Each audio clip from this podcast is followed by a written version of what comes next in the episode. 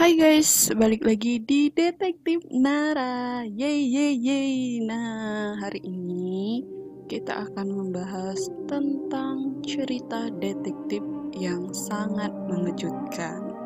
So, langsung saja kita akan mulai ceritanya. Jadi, di sebuah kota kecil di bagian negara Amerika, itu hiduplah sebuah keluarga yang mana sang istri bernama Keke dan sang suami bernama Kenan. Nah, Keke dan Kenan ini mereka merupakan teman satu SMA. Mereka menikah dan mempunyai satu orang putri yang bernama Sasha. Nah, Sasha ini dia masih kecil, umurnya 6 tahun. Jadi Sasha ini dia kalau di Indonesia masih TK. Kehidupan rumah tangga mereka berjalan dengan bahagia dan baik-baik saja hingga satu kejadian menimpa keluarga ini. Jadi, si Sasa, anaknya Keke dan Kenan ini setiap pagi diantar oleh ibunya untuk pergi ke sekolah. Sedangkan sang suami itu berangkat pagi-pagi karena jarak antara rumah mereka ke kantor si Kenan atau bapaknya Sasa ini terbilang cukup jauh sehingga untuk mengantarkan Sasa ke sekolah adalah tugasnya Keke, sang istri Kenan. Nah, hingga kejadian ini muncul, si Keke dan Kenan ini tidak diberikan tanda-tanda ataupun pengancaman dari seseorang. Tiba-tiba, si Sasa, anak mereka, menghilang begitu saja. Nah, si Sasa ini biasanya kalau pulang sekolah itu diantar di sekolah. Jadi si Keke biasanya menyambut si Sasa ini e, dari rumah ketika si Sasa telah pulang sekolah. Akan tetapi di waktu kejadian itu si Sasa pulangnya sedikit terlambat. Namun bis sekolah yang mengantar Sasa itu kedengaran saat berhenti di depan rumah si Kenan dan si Keke ini. Nah, jadi pada saat bis itu sampai di depan rumah si Keke dan si Kenan, uh, si Keke ini sedang ada sesuatu yang ia kerjakan di dapur sehingga dia telat beberapa menit untuk membukakan pintu saat si Sasa pulang. Akan tetapi, setelah Kenan membuka pintu, si Sasa tidak berada di depan rumahnya ia pun mencari ke sekeliling rumah. Mungkin si Sasa uh, bermain atau mungkin pergi uh, ke suatu tempat ataupun mungkin dia belanja kali ya ke warung. Nah, setelah si keke ini mencari anaknya si Sasa ke sekeliling rumahnya, dia tidak menemukan apa-apa ataupun tanda-tanda jejak uh, si Sasa. Ia pun mulai mencari ke sekitar kompleks rumah mereka. Tetapi, si Keke ini juga tidak menemukan si Sasa. Nah, setelah beberapa jam berlalu, Keke pun mulai panik dan segera menelpon suaminya. Akhirnya, setelah itu suaminya pun melaporkan kejadian ini ke pihak kepolisian. Saat itu setelah suaminya pulang, si keke ini sangat stres dan menangis karena dia kehilangan anaknya. Dan dia merasa bersalah karena dia terlambat membuka pintu. Nah, setelah mereka melaporkan kejadian itu ke kepolisian, ke kepolisian mulai uh, menyidik atau menindaklanjuti laporan dari si Keke dan si Kenan pihak dari kepolisian mulai memeriksa di daerah sekitar, kemudian menanyai si Keke dan si Kenan dan bertanya kepada pihak sekolah serta memeriksa CCTV. Dan anehnya setelah CCTV diperiksa, itu CCTV mereka yang di depan rumah tiba-tiba mati. Jadi CCTV si di rumahnya Keke dan Kenan ini tidak berfungsi pada saat kejadian. Si Keke dan si Kenan pun bingung, padahal kemarin-kemarin CCTV di rumah mereka masih baik-baik saja dan tidak ada kerusakan sama sekali. Hari-hari pun berlalu, tidak ada tanda-tanda keberadaan anaknya Salsa. Si Keke dan si Kenan pun mulai merasa sangat-sangat khawatir mereka tidak tahu bagaimana mencari anak mereka, sedangkan pihak penculik atau orang yang menangkap Sasa tidak memberikan kabar sedikitpun kepada si Keke dan si Kenan. Akhirnya, setelah beberapa minggu, mereka mendapatkan notifikasi dari seseorang yang tidak dikenal. Orang tersebut mengatakan bahwa ia tahu kejadian yang menimpa anak mereka. Dia tahu semua detail dan mempunyai bukti rekaman CCTV-nya. Sasa dan Keke dan Kenan pun akhirnya merasa sedikit lega. Akan tetapi mereka sedikit curiga bagaimana orang yang menghubungi mereka ini mempunyai CCTV dan mengetahui kejadian detail terhadap akan tetapi setelah berpikir panjang, akhirnya si Keke dan si Kanan mencoba menghubungi si pihak yang memberikan pesan tersebut. Setelah dia menghubungi si pihak itu, si Keke dan si Kanan akhirnya bersepakat untuk menemuinya.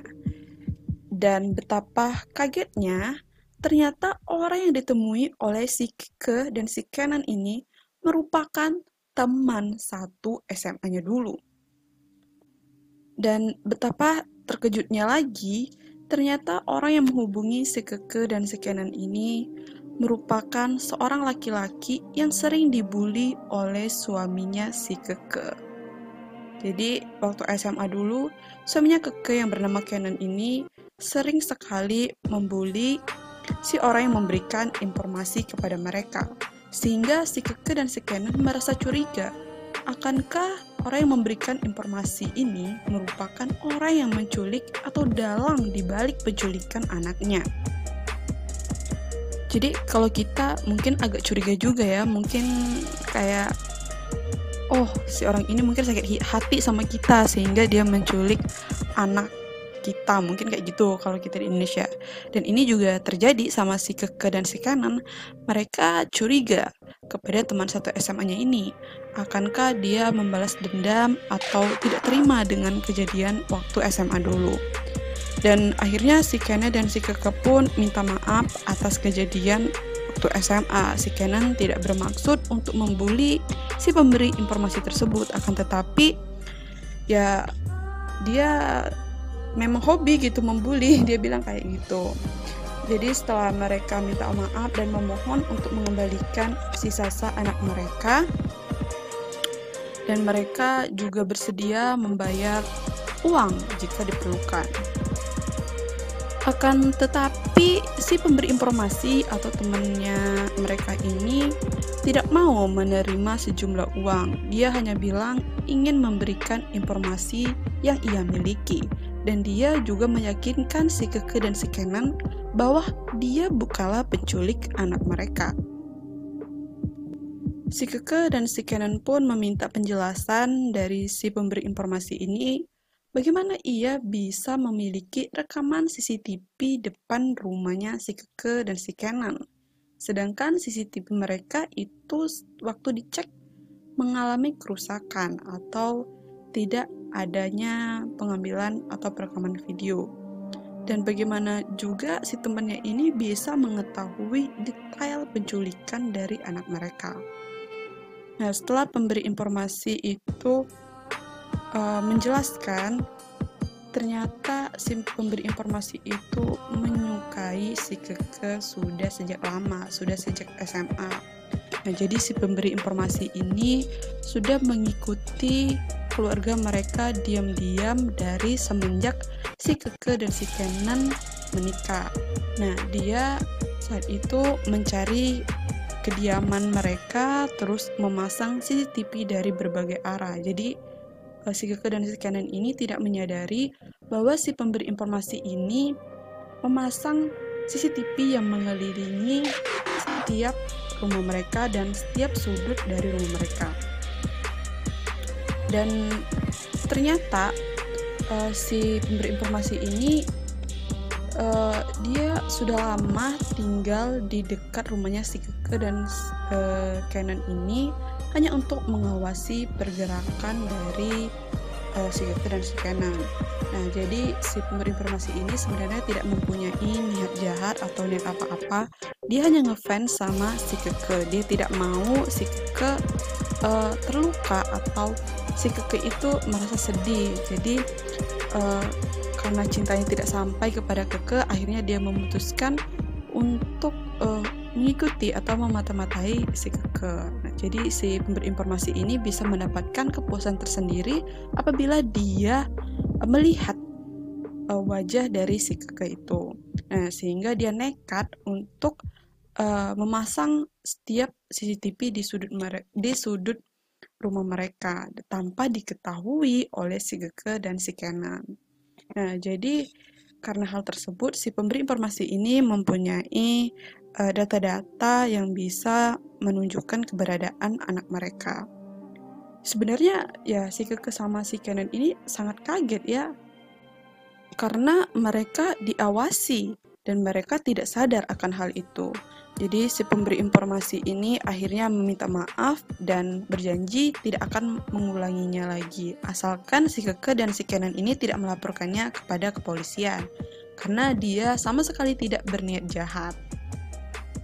Dan yang lebih mengejutkan lagi ternyata si penggemar uh, Keke ini dia pernah berprofesi sebagai uh, pemasang CCTV sehingga itulah mengapa dia bisa uh, memasang beberapa CCTV di dalam rumah si Keke dan sisanya itu berada di luar rumah. Nah, setelah si pemberi informasi ini uh, memberikan semua keterangan dan informasi yang dia miliki, akhirnya si Keke dan si Kenan uh, memutuskan untuk tidak melaporkannya ke kepolisian, akan tetapi dia meminta semua informasinya dan informasi tersebut akan diserahkan ke kepolisian. Dan akhirnya si Keke dan si Kenan memaafkan si pemberi informasi ini. Tetapi dengan janji si pemberi informasi ini tidak akan memata-matai rumah tangga mereka lagi. Nah, setelah si pemberi informasi memberikan semua informasinya kepada si Keke dan si Kenan, akhirnya si Keke dan si Kenan uh, berhasil menemukan anak mereka setelah pencarian dan penyidikan kepolisian selama 2 3 hari. Nah, ternyata si Sasa ini sudah diincar oleh seseorang sewaktu dia berada di sekolahan. Nah, jadi orang tersebut telah merencanakan ini sudah jauh-jauh hari.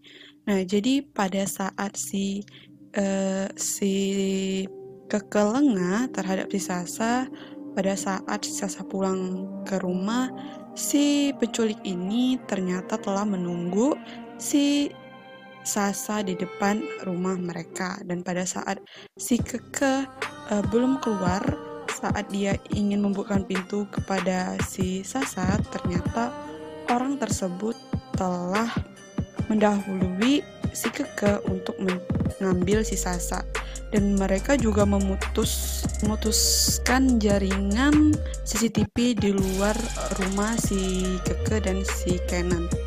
Nah, nggak tahu caranya bagaimana, mungkin dia seorang hacker atau apalah gitu kan. Nah, jadi setelah ditelusuri lebih dalam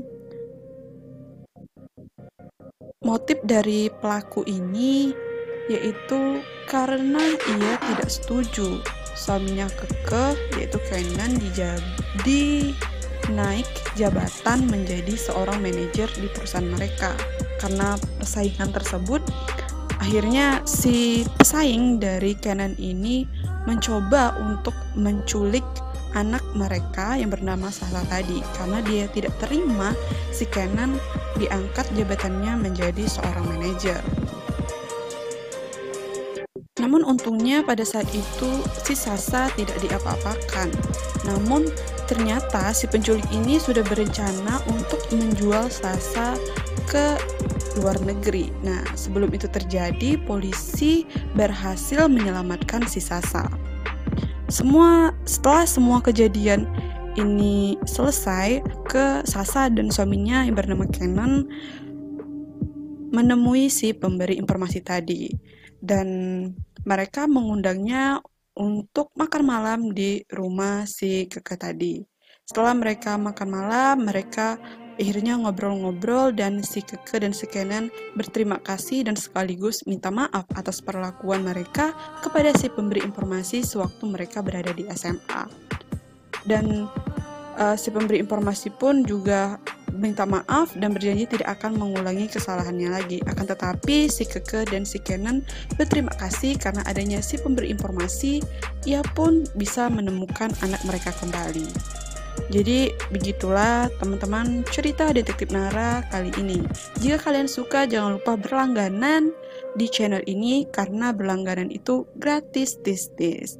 Nah teman-teman jika kalian suka kalian juga bisa meng-share podcast ini kepada teman-teman kalian yang lainnya.